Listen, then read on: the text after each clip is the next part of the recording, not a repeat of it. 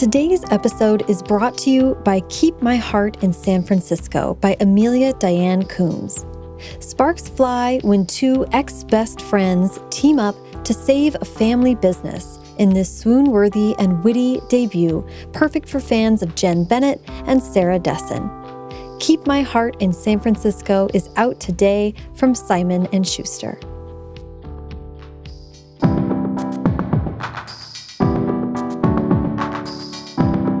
Welcome to First Draft with me, Sarah Enni.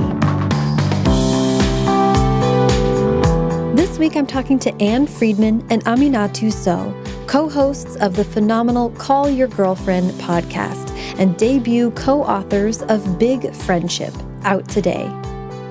Aminatou Sow is a writer, interviewer, and cultural commentator who lives in Brooklyn, and Ann Friedman is a journalist, essayist, newsletter queen, and media entrepreneur who lives in Los Angeles. Big Friendship is a friendship memoir that examines and celebrates the power of society's most underappreciated relationship. I love talking to Aminatou and Ann about their very unique co writing experience, how they came to this as the subject of their first book together, and the eye opening experience of stepping into the realm of old, old school print media. Everything we talk about on today's episode can be found in the show notes. As a reminder, First Draft participates in affiliate programs, specifically bookshop.org, and that means that when you shop through the links on firstdraftpod.com, it helps to support the show and independent bookstores at no additional cost to you. If you'd like to donate to First Draft, either on a one-time or monthly basis, simply go to paypal.me slash firstdraftpod.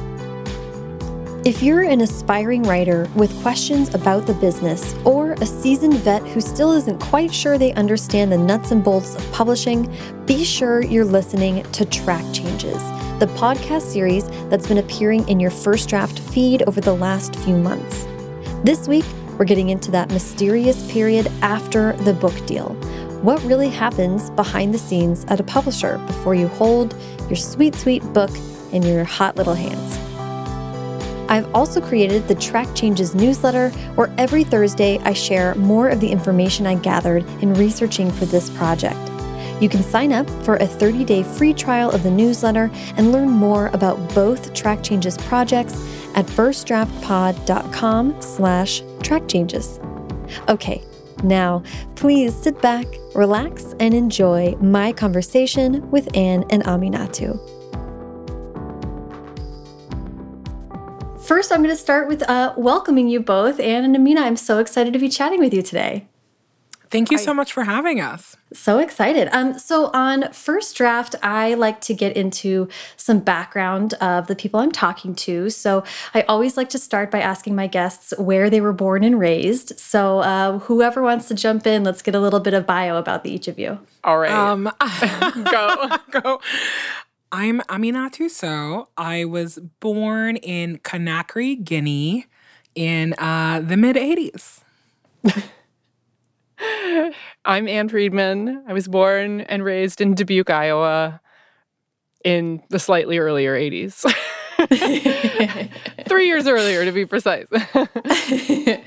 Love it. Um, I do want to ask each of you, you know, um, I think a lot of people know you from the podcast and from uh, your work as speakers and writers now, but I want to ask about when you were young, how was reading and writing a part of your of your young life? Oh man, how much time do we have?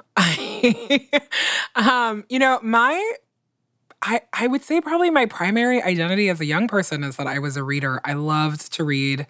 I grew up in a house where um, both of my parents loved to read. I, uh, you know, I think the mythology around the reading in my family is that I learned at a young age and I do remember at a very young age loving to decipher just texts. And so I would read like my dad's boring papers from work. I would read like just, there was no reading that was too boring. Um, but it's also because in, uh, I split my time between West Africa and Europe. And when we lived in West Africa, um, there was not a lot to do. And so reading was the thing to do. And I think that a lot of just dealing with my boredom was reading. I try to convince the library to let me, uh, you know, like order the adult number of books. The rest of my family had to join the library because I used all of their library cards in order to satisfy my my uh, my book reading problem. I um, I was always the, the the child that was friends with all the adult librarians, and if I had had my way in elementary school and um, primary school, I would have eaten all of my lunches in the library. Love to read. I love that. How about you, Ann? I mean, so, so similar on this front. I was an obsessive reader. I my parents are both readers now, but when I was growing up, we definitely we got the local paper and like a Catholic magazine called The Liguorian, which I don't recommend.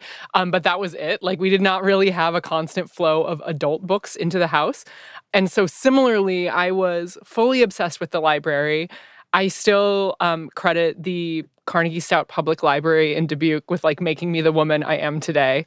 Would also check out like adult library card size stacks of books. And I was also like a writer from a very young age. Like it was like a thing I did in my free time was like write stories like by hand when I was really little and then later when we got like a blue screen IBM, you know, one of those like stories on that that computer. So it's funny, it has always been a primary if not the primary thing I've done with my free time, which was considerable in my childhood where I was like 100% an indoor kid. I do and I, I I so rarely get the chance to talk to other podcasters, which is my favorite thing. But I, I want to ask if was there any hint in the past of podcasting or anything like that? Like, is there a memory you have of being young and being like, oh, no wonder I ended up talking for a living? I mean, uh, definitely a podcast did not exist in my childhood. But that said, I come from a family where we listened to the radio a lot. Like the radio was a huge part of my of my family life and we would listen to you know, it's like we would listen to the news, but we would listen to drama and we would listen to just every part of the radio experience. So every once in a while I'll remember that and oh yeah, like I uh, you know, the radio has always been a big part of my life even though it never occurred to me that I could make audio myself. But um yeah, I miss I miss that. Uh, I miss those days. Thank you uh, to uh, the BBC and Voice of America and uh, RFI uh, for all of their formative uh, radio listening in my life. And I don't have specific memories about listening. I mean, we listened to like local radio when I was growing up too, but um, but I I really just feel like it's tied more with wanting to be a journalist or like wanting to interview people from a very young age. Like when I was certain, I don't know, somewhere in the like 10 to maybe 12 range, I did like newsletters for my extended family where I would like interview my family members about what was going on with them and like lay it out in like the Apple IIe publishing software that was in the school computer lab. And so like even like I truly am so one note where I'm like, "Oh yeah, I do all the things that I did for fun when I was a kid, but professionally." Um, which is not the same thing as doing it in like a recorded format the way a podcast is, but like the answer is I've always liked talking to people and interviewing people. That is amazing. I love that story. Um, I also made a family newsletter, but there was only one edition, and it but it was like me and my typewriter, and it had some like mystery format to it. It was so weird. My grandma found it the other day, and I was like, "All right, well, we ended up doing something." um, uh, so before I'm going to kind of lead us up to big friendship, um, but I want to start by just having you guys kind of share uh, the brief story of how you came to be friends. um, we were uh, set up by a friend, essentially, another friend, our friend Dayo, um, who we are both still very, very, very, very close to, which like is probably the thing that makes me the happiest about all of this um, is was someone that I had very recently met in Washington D.C. and the the first time that we hung out, she said to me, "You have to meet my friend Ann." And within a couple of weeks of that meeting, she very intentionally invited Ann and I to watch a television show at her house in the era of appointment uh, television. And so there were other people there, but you know, I showed up with the intention of meeting this other person that I was supposed to be meeting. And it worked out we're still friends. and uh, you know, it's it's it's really funny to think about now because there is just you know there was just so much intention the, at the beginning of it. I think that it's fair to say that because we were both living in DC and we were part of this larger scene of people we would have probably eventually met at some point in our years there. And who knows what kind of relationship we would have had from that.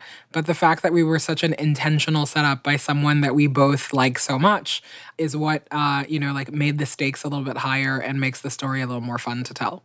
Yeah, I love that. And it's um, and and you talk a lot about that in Big Friendship, and you kind of get into more details about um, your personal lives at the time and what drew you to each other. That was one of like it was really fun. And you say this in the in your book too. I, I love hearing about how other friendships came to be and how those two people kind of discovered each other. And um, so that was a really fun part of reading the book.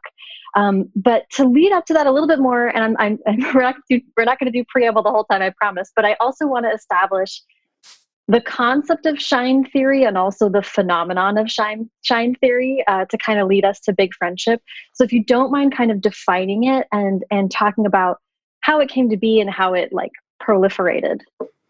Yeah um, shine theory is a practice of mutual investment where two people are basically like hey we are going to help each other be our best selves individually not for any personal gain, but just because I I want you to get where you want to go, and um, I want to help you get there. And recognizing that this more collective attitude is more productive over the long haul and more satisfying and more fun than a competition model where um, everyone from strangers to your closest friends is someone who you are competing against rather than trying to rise with. And it's a concept that's really born of our own friendship and the assurances we have long made to each other that I don't shine if you don't shine. And so that's where the term shine theory comes from.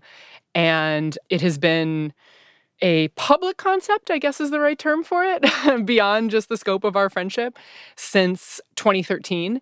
And I think that for us, we didn't you know, I mean, it was a helpful framework, but I don't think we really anticipated how putting a term to that practice would be received by lots of other people who were also excited to put a term or to put to put a label on this thing that they had been practicing with their friends. So yeah.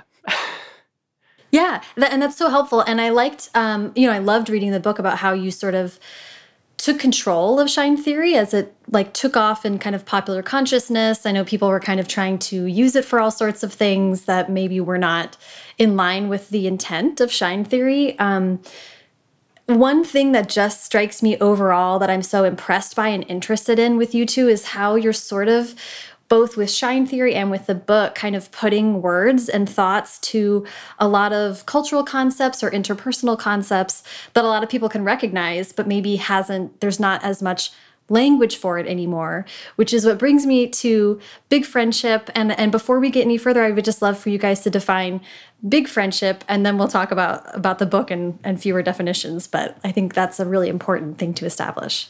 Um, I'm happy to read the definition of big friendship because I have it right here. But I was like, maybe that'll be clearer. Um, yeah, perfect. So exciting to to have it to okay. reference our book. oh my book. god! Yeah. yeah. I'm like, yeah, Cr- literally crack it open. Million, yeah, the satisfaction millions million millions of authors have felt before me. Yep.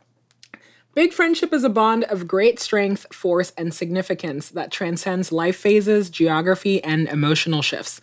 It is large in dimension, affecting most aspects of each person's life.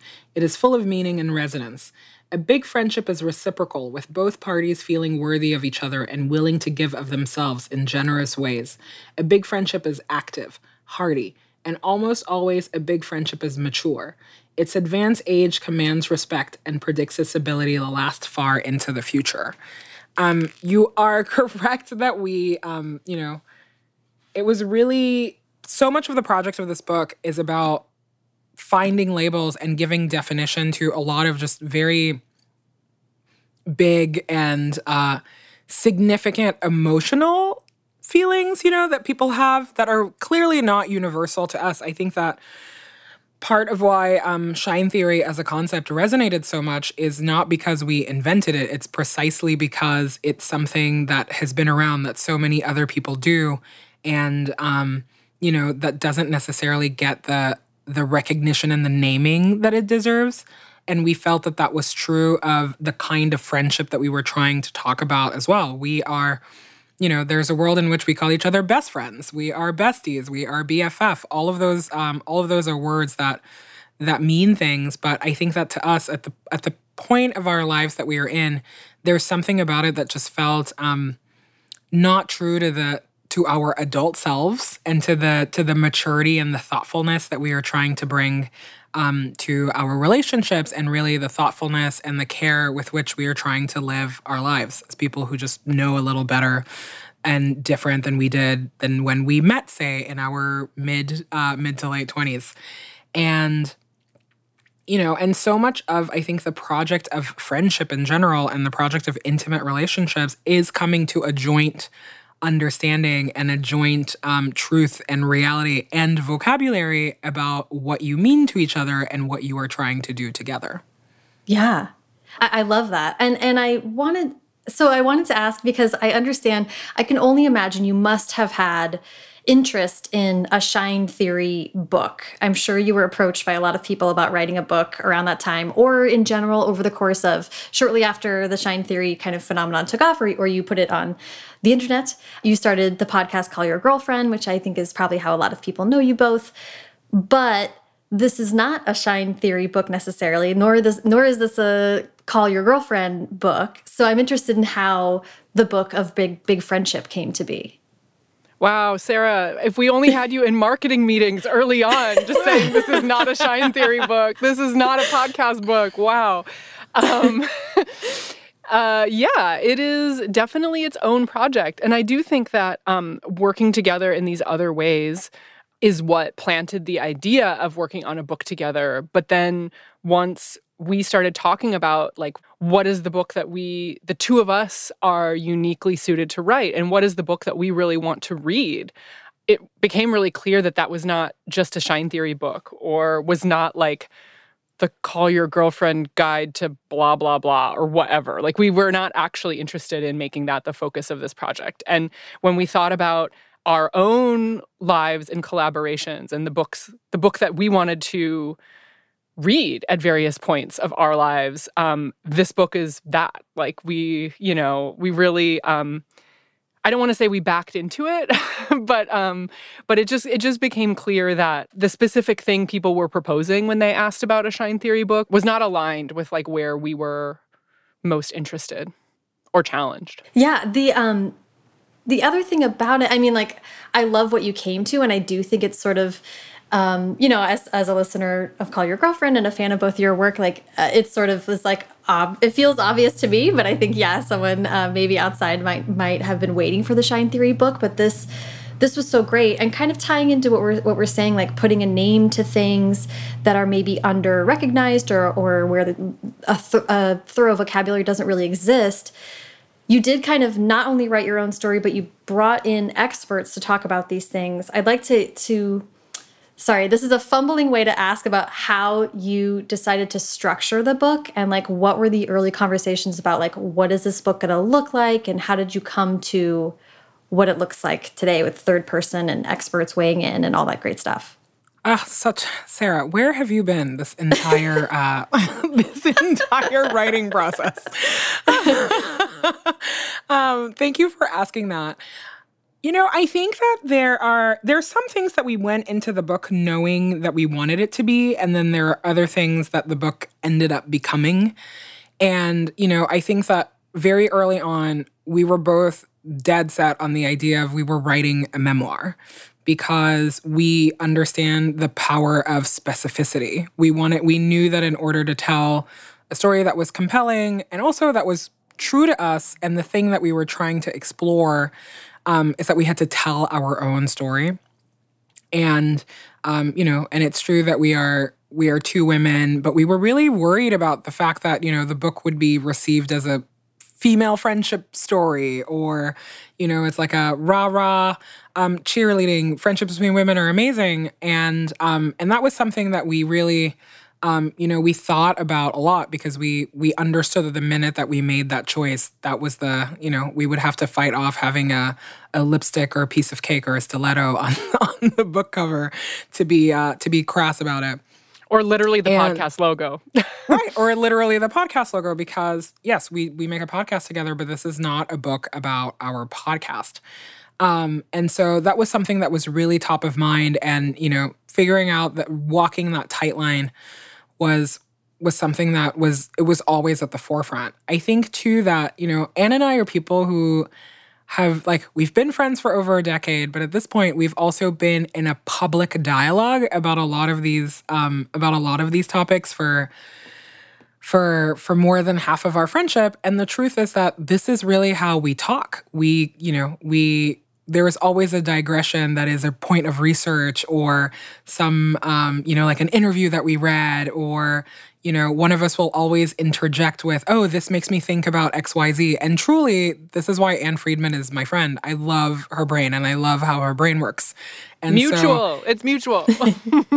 who? What? So, um, you know, so it was it was really not um, I think even if we had tried to write a book that did not have this research or interjection or whatever aside, it would have been impossible because that is just not um, that is not the way that we are in dialogue with each other. And so I'm honestly like really happy that that is there. That is the that is the thing that is probably the most true to what the you know to how the podcast sounds. That is one way that that is represented in the book. And and I think that it's also true to say that that is truly how our friendship is. That is how we talk to each other. And um you know, like, can you tell we are people who are not good at just talking about our feelings all of the time? We really um, have to dig into the uh, the the other experts um, part of this, and so you know that was that was one consideration. And then the other thing that was also true was that we knew really early on that in order to tell the story the way that we wanted to, we had to tell it in one voice because part of what we were trying to address was really this gap in. Um, in storytelling almost where there are amazing novels about the complexity of friendship. Amazing amazing amazing novels. I do not need to add to that canon. The the work is being done and the work is amazing. There is really really good nonfiction about being a friend or um, you know or or the complexity of a particular friendship. What we couldn't find was a book that addressed two people simultaneously discussing the relationship that they were in because that is really where we were struggling. And so that was the gap that we found.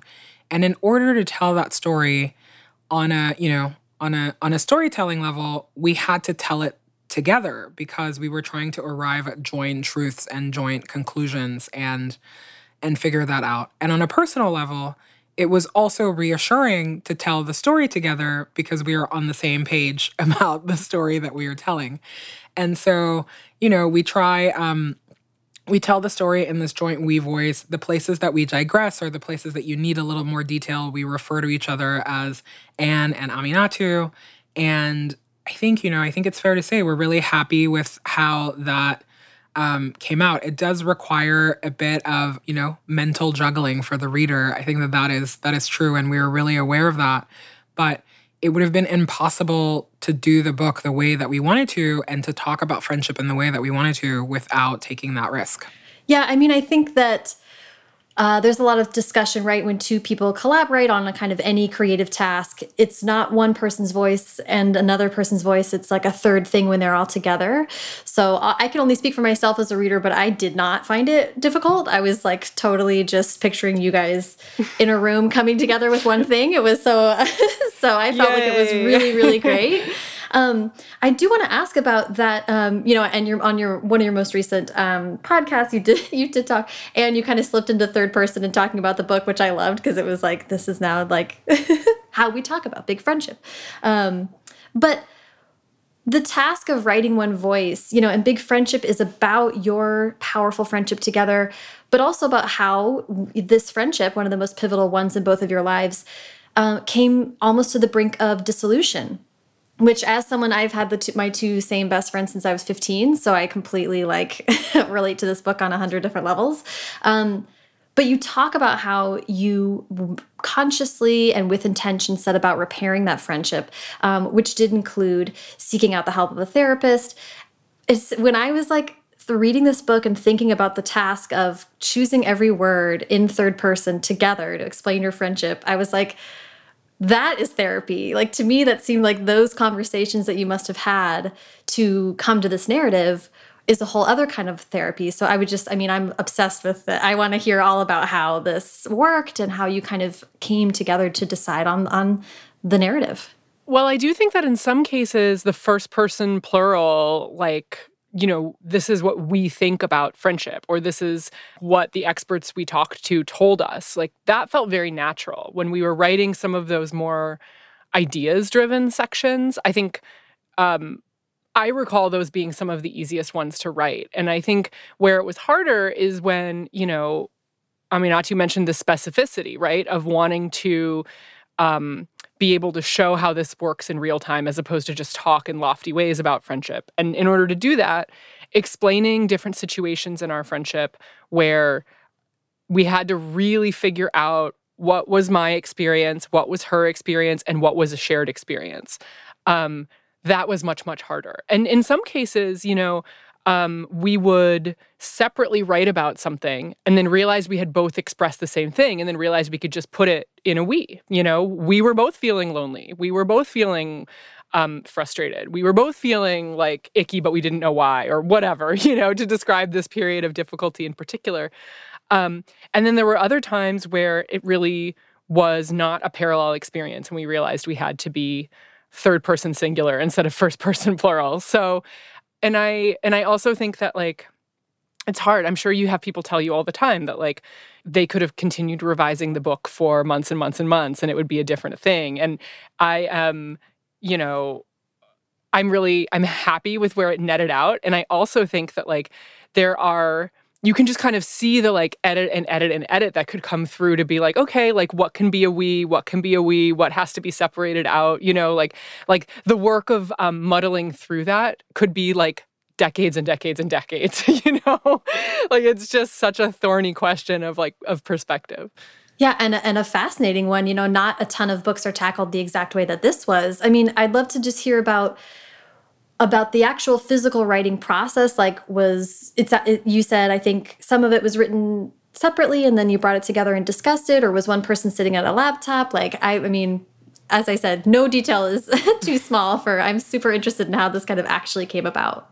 Wow this is giving me insight into the fact that one of us could have just dictated to the other and like typewriting this? What? No, that that could not have happened. No, that is a fan. that's a false please, fantasy. and please take note of my words. no, so much so much of writing this book honestly was carving out. You know, we we live on separate uh, opposite uh, opposite sides of the continent, and so so much of it was um, carving out some time to be in person, where we would essentially have these really intense writers retreats where we lived together and we would eat every single meal together and um, only write which what what honest honestly it was a really really really intense um, situation because making time to be together for both of us means um, you know like kind of leaving our normal lives behind to to go into this hole to write. And so it meant that every hour that could be given to writing had to be given to to writing. There was not a lot of tourism which makes me a little sad now that i say it but it was just a lot of writing and a lot of it was that, you know, we would start the day sitting down, outlining, like, let's say we had to outline a chapter or, you know, it was a, a, a, brand new, fresh writing day. We would outline together, which involves a lot of just talking, which you are correct is therapy.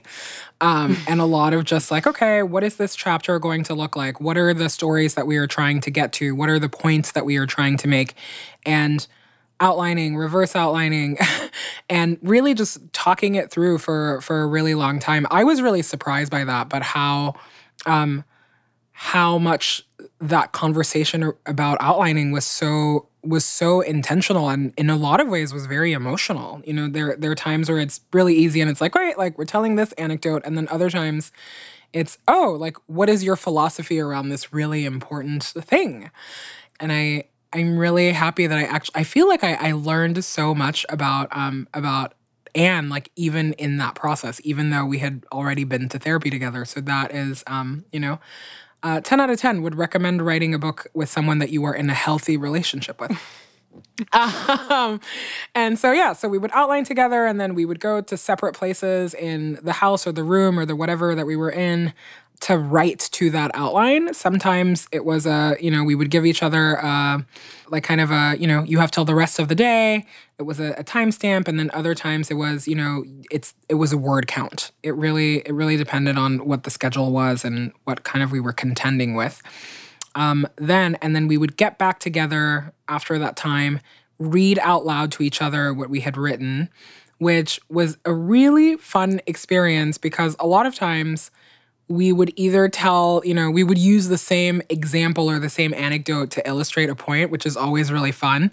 And other times, you would learn a detail that you just didn't know from someone's perspective. And um, you know and also having to reconcile that. Or there were times where we would have we would write about the same incident from you know i something that could be a contradictory position and realizing that oh no you experienced this in this very different way and i experienced this in this very different way. And now we are now we have the task of, uh, you know, what's the truth?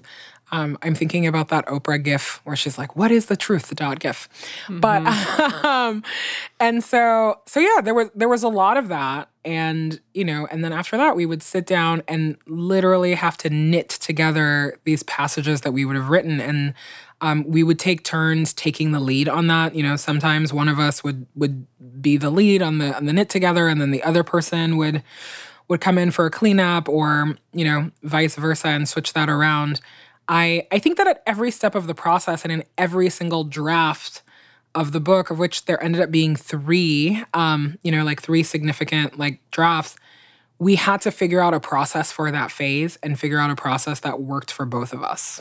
Yeah, the the dreaded it doesn't work anymore and we have to reinvent the wheel, which every writer can relate to, I think. Um, did you, I mean, those conversations, I'm interested in, in that revision. It sounds like, you know, or I would imagine um, that those conversations about what your perspective was on it, or did that ever lead to a change of what was in the book?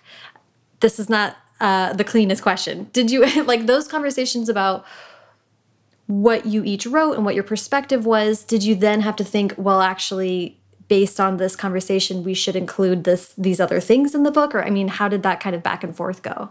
I mean definitely. I think there were there were many points where we had to ask like oh does this deserve more space? We actually had a ton both of us had a ton to say about this. Or the assignment was about x but we both wrote like 2000 words about why. Like that's coming from somewhere and maybe we should like make redo the chapter angle or like make a new chapter that addresses that and then actually go back and address the writing assignment of x you know? Mm-hmm. um so so definitely. Um and i think that happened both in conversation and when we were writing separately like coming to that realization um that we had maybe something different or better to say about it. And there also you know in terms of the big rewrites, you know, the first draft was really a lot more about how do we make friends in the first half mm. and the second half about how do we keep them? Like how do we get through hard moments and challenges and time constraints? And the first half of the book was like kind of universally panned by early readers, like would you say? Like I really feel like oh epically panned. Epically panned, like where everyone would be like the first parts are just kind of plotting, but you really pick up in the middle of the book and the end is great. And that we heard that again and again. And so we we redid it, we redid it, and then it was like better, but like you know, we we redid it to focus. Sorry, I'm rambling. Redid it to focus on keeping each other close and not making friends. And I think that that was a little bit better. And people were still saying that the early chapters were kind of clunky. Like that was still the feedback from people who hadn't like, read it. chapter four. Love, love chapter four. yeah, it was like one, one to three, where people just kind of be like, yeah, like I can't quite put my finger on it, or, um, and we we got some very good advice, like kind of near the very end, right before our last, um, you know, writing retreat when we were going to do a final revise that um, we should go through the early chapters and separate the kind of narrative parts that are about our story from the bigger ideas points and then look at what we really have on both fronts and see what we're really saying. And so we spent the last week when we were supposed to be polishing ripping up the first four chapters of the book with that strategy and putting them back together again because they, that had just continued to be a problem where everyone was like the book doesn't get good till chapter four which not a great place to be in. You know it's like if you're gonna get bad somewhere like let it be at the end after people have already like gotten into it. Um, so so i think that that last week in particular which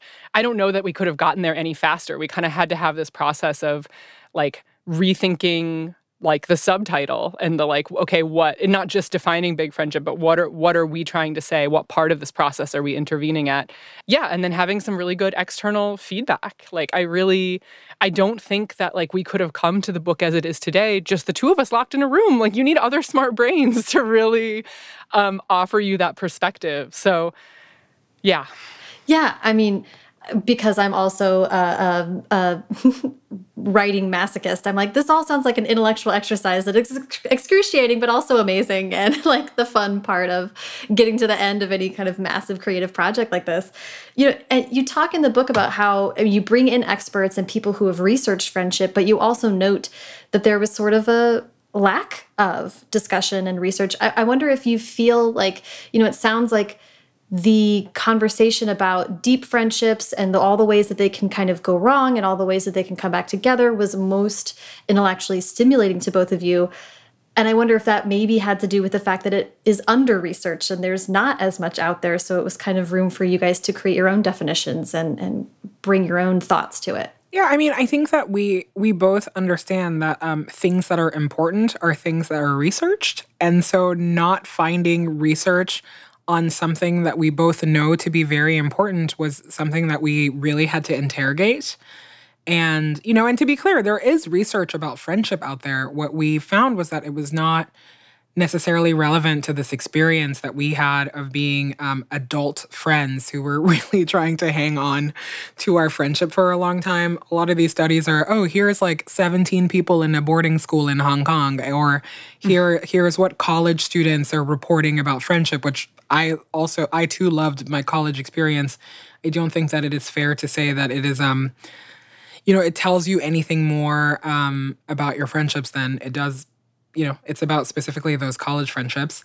And yeah, so the, and there was a lot of stuff about children learning to be friends mm-hmm. and not really anything about this complexity of okay, how how are adult humans being friends? How are adult humans dealing with the intimacy and complexity of what this relationship means and just over and over and over we couldn't find it. And what we were finding was was really interesting because it was from linguists it was from communication professors it was you know from um, psychologists who were had these very um, specific practices you know? It was it was not something where you could just uh, go to google or you know go to lexisnexis and just pull up and it felt um, and it felt like it was readily available and i think that that in itself figuring that out in itself was also very stimulating because it really helped explain the conundrum that we were in. I I speaking just for myself, I think that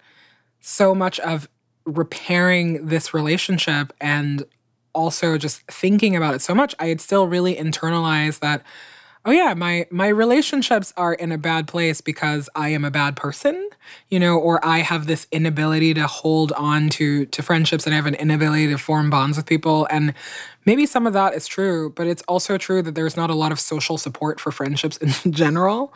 And maybe if there was, then you know, people would not be left to trying to figure it out in the dark of how do I go about telling my friends that they mean something to me? How do I go about um, repairing a friendship? How do I go about dealing with a conflict? How do I go about communicating my needs and my wants and also making space for for all of this? So it you know it all of those things are just intrinsically tied into um, so much of what we were thinking about when we were writing the book. Yeah, and it and it felt like you know, I mean, the end result, I think, at least for me as a reader, is I was like, well, I, now I have to buy this for my other friends so that we can have this like shared language to be like, okay, so what does stretch mean? Like that's what I'm talking about here. You know, like the shorthand that is so helpful um, in, like you say, these complicated relationships where no one has the time, and it's like, okay, great, these shortcuts are like a lifesaver. So. Um, I want to ask about, in particular in the book, uh, you do speak about the fact that your friendship is an interracial one. And on a recent episode of the podcast, Amina, you said, I'm having a lot of revelations about my friendships with white women lately. And I'm not going to ask about specifics about what you were talking about, but I do think your experience is likely one that's shared by millions of uh, Black Americans right now. Um, you know, and, and I just wonder what, um, you know, I'd love to hear you talk about how you guys worked through conversations about race and racism, you know, and what you might have to say for people who are having those difficult conversations right now. Mm. Just a real softball. well, I do think that we were, um, we feel very strongly about like it belonging in a book about big, important, long term, hearty friendship for a reason, you know? Um, it is something that is has been, I don't want to say easy for us to ignore, but definitely in earlier years of our friendship was not something that was at the fore and not something that we discussed in terms of how it played out in our relationship and our dynamic. And um and really like I I learned so much through the conversations that we had for that chapter about Aminatou's experience in our friendship on this issue in particular, where I think that um, something about the act of writing a book where you we had this I don't want to use the word excuse, but like the whole project was about looking backward and being like, what was that incident really about? Like, what was that moment really about for both of us together or differently? Really illuminated the ways that race and racism are very much active in our friendship, the way that they are active everywhere in this world. Um, so I, yeah, I, I think that um, I am I am happy that it's there. I have like uh I have a lot of gratitude for um, the way that Aminatou has showed up in those conversations with me, like throughout our friendship, and in particular as it came to this writing process. I know that writing that chapter required something very different of her than it required of me, you know, on a level of of even just like exposing pain, I guess I want to say, or like, you know, like we kind of made strategic decisions all along about how personal we each wanted to be about how we were affected or how we were emotionally dealing with something. And I really just acknowledge that, like, you know, the uh, us us writing about interracial friendship in a frank way involves one of us being like, oh, let me like talk about how like how bad it feels that I hurt people close to me, which is a really different thing than let me like actually explain like like the pain and trauma of being on the receiving end of this and what it's been like to hold it. So I feel um I have a lot of feelings about that chapter. um and I and I also am ultimately not just, you know, grateful that we not just grateful to Aminatou that like we were able to like like create it as it exists in the book now, but um but I really hope that it kind of functions in the way the rest of the book does, which is to say, it is um, it is instructive, or there is some language for people who didn't have language about these friendships before. Yeah, absolutely. I mean, I mean, did you want to add anything to that, or? I yeah, I agree with a lot of what Ann said. I think that the it does it it required like two very different things from both of us, and I think that wanting to share it for me was really rooted in this place of so much of writing about race, especially right now, is really this exercise in like highlighting the trauma that Black people have. And I think that it was important for me that the incident that we chose was not this, you know, big life defining huge revelation, you know, because I think that for a lot of uh, very well meaning white people, um, meaning people who uh, read books and consider themselves, uh, you know, like fairly liberal and open minded, they think that racism is something that is only happening in Alabama and that um, it's not present in their lives. And so much of of explaining that actually the if you have black people in your life Um, if you don't have black people in your life, that's something you should probably be thinking about and interrogating on your own. If you do have black people in your life, you should not be so naive to believe that, um, you know, the only big deals are when um, someone is killed and it is running in the loop on CNN, or um, you know, or or that talking about talking about race as it happens out in the world. Like Ann and I were very adept at that. Like we were great at talking about race and racism and talking about the politics of it all and as it happens in the world or as it happens to other people. A thing that I also had to realize, even being the black friend in the friendship, is that we were not good at talking about it as it related to both of us. And those things are very different. And so, um, you know, so I hope that people really do pick up on that. It was not about this, it doesn't have to be a huge incident to, um, you know to make to make the point that if you are in a relationship with black people race is definitely happening all of the time on every single level of your friendship. And um and if you think that it's not that's probably a bigger problem to uh you know to like come back to. And that you know in friendships we we all we all make choices. And those choices are um for as much as you think that your friendship is insulated from politics and from culture every single choice that we make and do not make is actually very political and so much of sharing that story was really getting to that point. Yeah i mean it was a really powerful chapter and i do think um, as you as you say that's like lending itself to a lot of people's experience that i think they will be. Um, you know i was grateful to read it and to again feel like i was like oh i can share this with people we can talk about it it can open up conversations. I mean that's like the power of any kind of book like this. So thank you for speaking to that and and i do want to ask about you know, in a uh, uh, in an episode of Call Your Girlfriend, you guys talked a little bit about the experience of meeting with publishers and kind of getting started on this journey, and how many of your meetings were sort of disappointingly white. Um, I'm obviously like entrenched in publishing. I'm doing a lot of. Um, uh, I'm doing this mini series right now explaining publishing and doing a lot of talking about uh, publishing paid me and advances and racial inequities and that. So it was really of interest to me.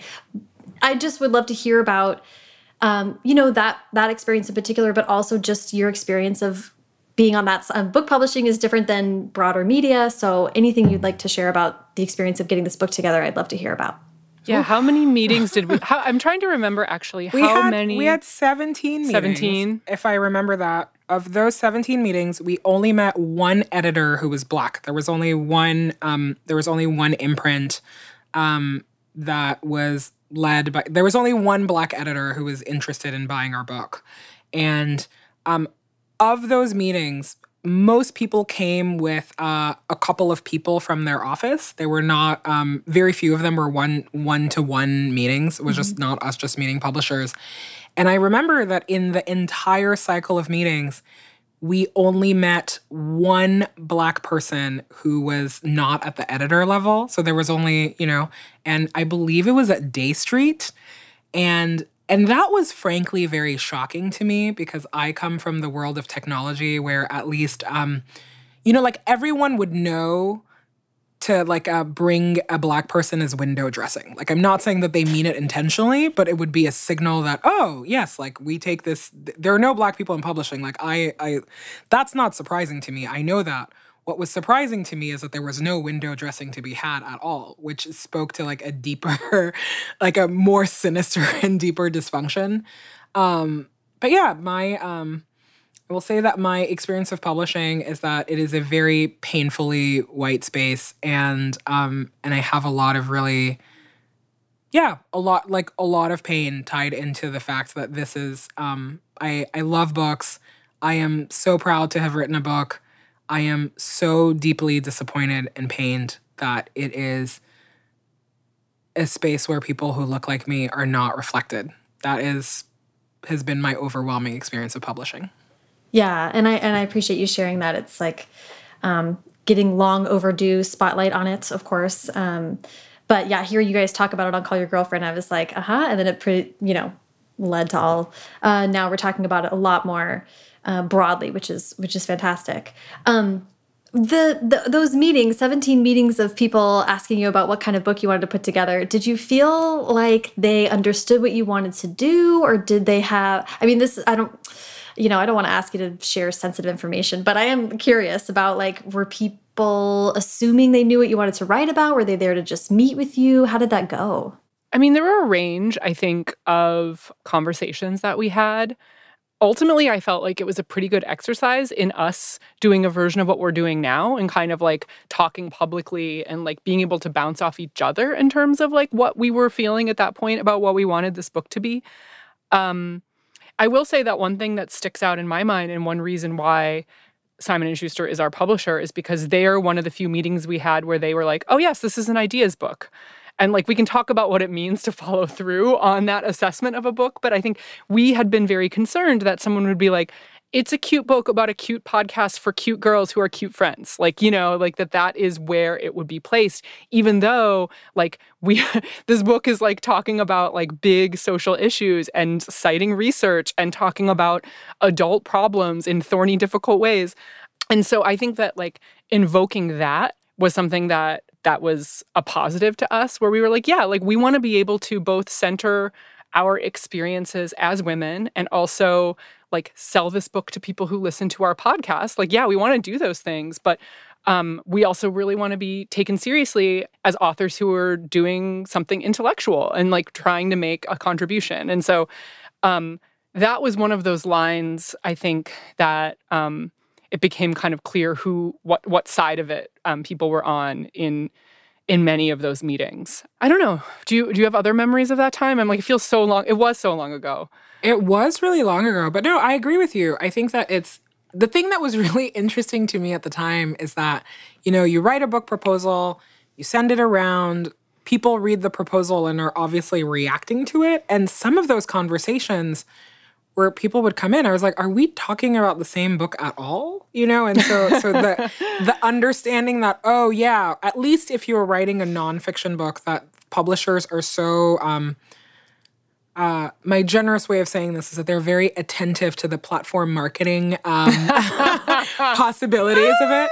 Where you know they're like, oh yeah, these girls have a podcast. The podcast, the podcast. They, the podcast kept coming up in so many conversations, which I I understand. We we host a podcast, but we were it was funny to feel that we were more ambitious in our reach of who would read this book than publishers were. We're like, wow, if the universe of people that you want to read this book is the people who listen to Call Your Girlfriend, then um, this book will not travel very far. But uh, so that that to me was really that was really interesting and was really uh, you know we like Ann and I are not people who come from publishing at all. We have friends who have published a lot of books but really, I did not know the ins and outs of this world until we went down this road. And I have to say that I'm so happy that my first foray in it was with someone else. I do not know how people do this alone. I don't know how people write books alone. I don't know how they sell books alone. I don't know how you um, just have to deal with your um,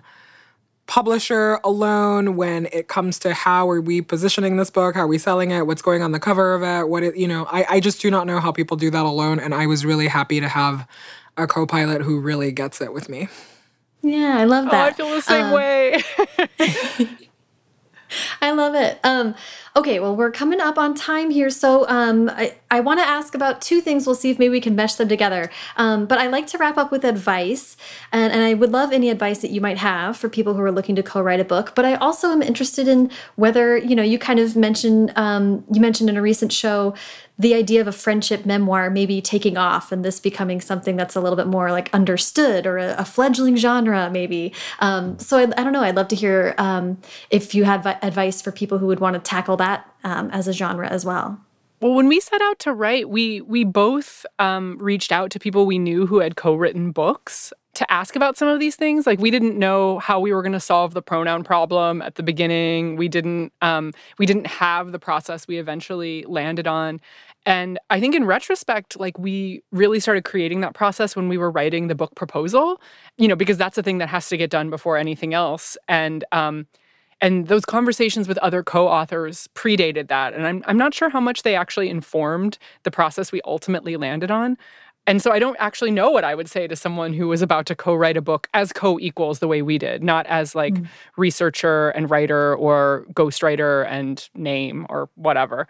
I will say that understanding a little bit what both of you need in order to feel good in the process, like you kind of have to know, oh, like for myself, the reason why this could never have worked with one of us talking over the other's shoulder is because I'm so much better in the written word than I am talking off mm. the cuff. Or like, especially when it's something complicated I have to organize. Like that would not have worked for me. And like, um, if Amina had been like, I want to write this whole book, one of us talking and the other transcribing, I don't know what I would have done, you know? And so so I think that some of it is just specific to the people in the collaboration. And yeah, and I don't, I mean, I, I'm excited to read all books that may appear in the friendship memoir genre, be they written in this singular voice or be they written in traded off chapters or as a published dialogue or however it happens. I don't know. Do you have good advice? I'm curious. I'm like, I I really Who, Sarah or me? You. The oh, person who's co-written a book. I, listen, I'm like Sarah. Please give me your advice in my next book.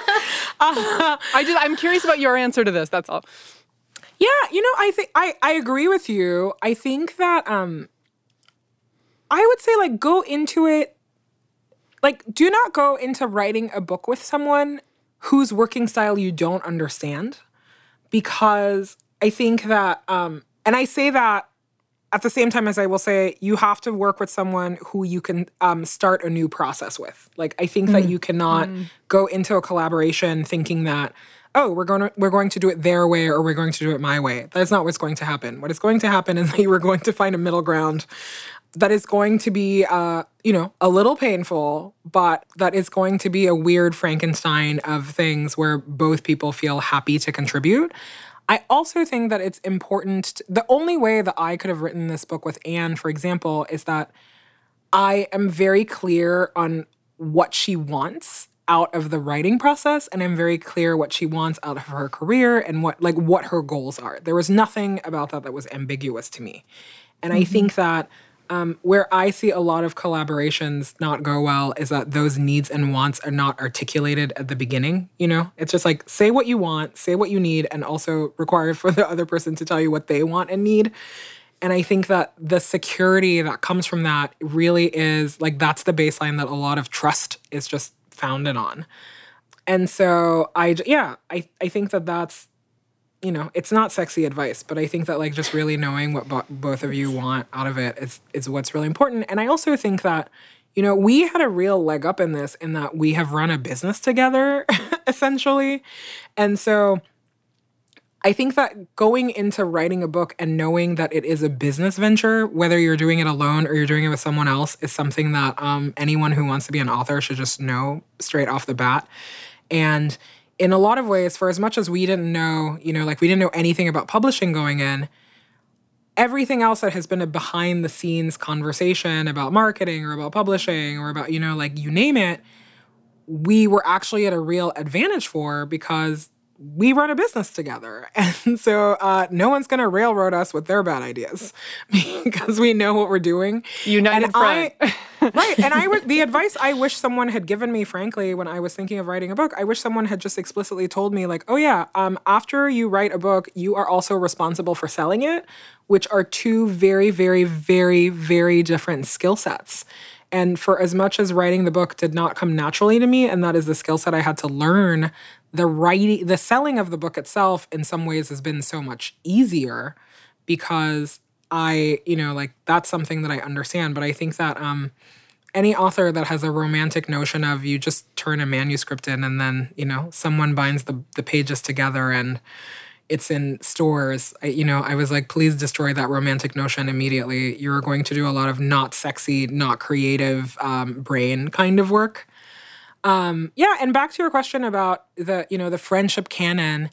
I am really excited for people to write more about the complications of friendship because I think that when I think about all of the ways that I, you know, I understood that I understand this is so much of it comes from comparing like mapping out the feelings that I have about friendship to the feelings about um the the the work and the the things that I see happening around, you know, like like marriage is definitely a topic that is uh, you know, like I would say overexposed at this point in literature.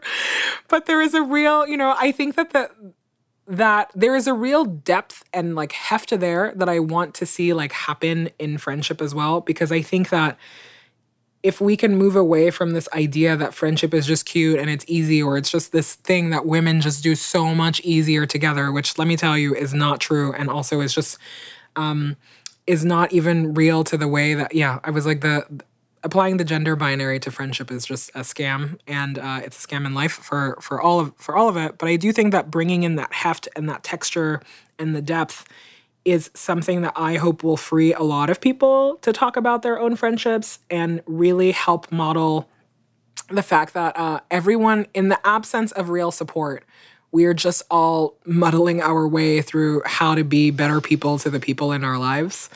And so, you know, I was like, this is really just a drop in the bucket. And so, for, you know, for anyone who picks up this book or doesn't pick up this book because they're like, that's not my experience, I would love to read those stories. You know, I think that the this is it is not a definitive uh, like exploration of friendship. It's not even a, the definitive exploration of our friendship. So i i'm just really really really excited to have a conversation with people and i would love for our book to be in conversation with other books that explore this Yes, I, I would love that too. It would be an amazing end cap at Barnes & Noble, all of the friendship memoirs. um, oh my gosh, I was so looking forward to reading your book and having this conversation. Uh, I love the book a ton, and you guys have been so fun to talk to. Thank you for giving me so much time, uh, and good luck with the book. I'm this will this will come out on the day, so it'll come out next awesome. Tuesday. Thank you. Uh, thank you again so much, and have a fantastic rest of your week. Good luck next week. Thanks, Sarah. Thank you so Thanks, much. Guys. Have a wonderful day, and thank you. Thank you so much to Ann and Aminatou. Find information for Ann at annfriedman.com and follow Aminatou at Aminatou on Twitter and Instagram, and find more information about both of them and Big Friendship at bigfriendship.com. Follow me on Twitter and Instagram at Sarah Enni and the show at First Draft Pod. This show was brought to you by Keep My Heart in San Francisco by Amelia Diane Coombs, out from Simon & Schuster today. A quick and easy way that you can support First Draft is by subscribing to the podcast wherever you're listening right now. And if you have a couple minutes, running over to Apple Podcasts to leave a rating or review. Ratings and reviews are like wildly disproportionately helpful to the show. They're really quick to do, and it does actually help get First Draft in front of brand new listeners. Um, so it's really, very much appreciated. If you have any writing or creativity questions that me and a future guest can answer in an upcoming mailbag episode, please call and leave that question at First Draft's voicemail. That's at 818 533 1998. Or you can record yourself asking the question and email that audio file to me at mailbag at firstdraftpod.com. Haley Hirschman produces First Draft and today's episode was produced and sound designed by Callie Wright. The theme music is by Dan Bailey, and the logo was designed by Colin Keith. Thanks also to transcriptionist at large, Julie Anderson. And as ever, thanks to you, Big Stretchers, for listening.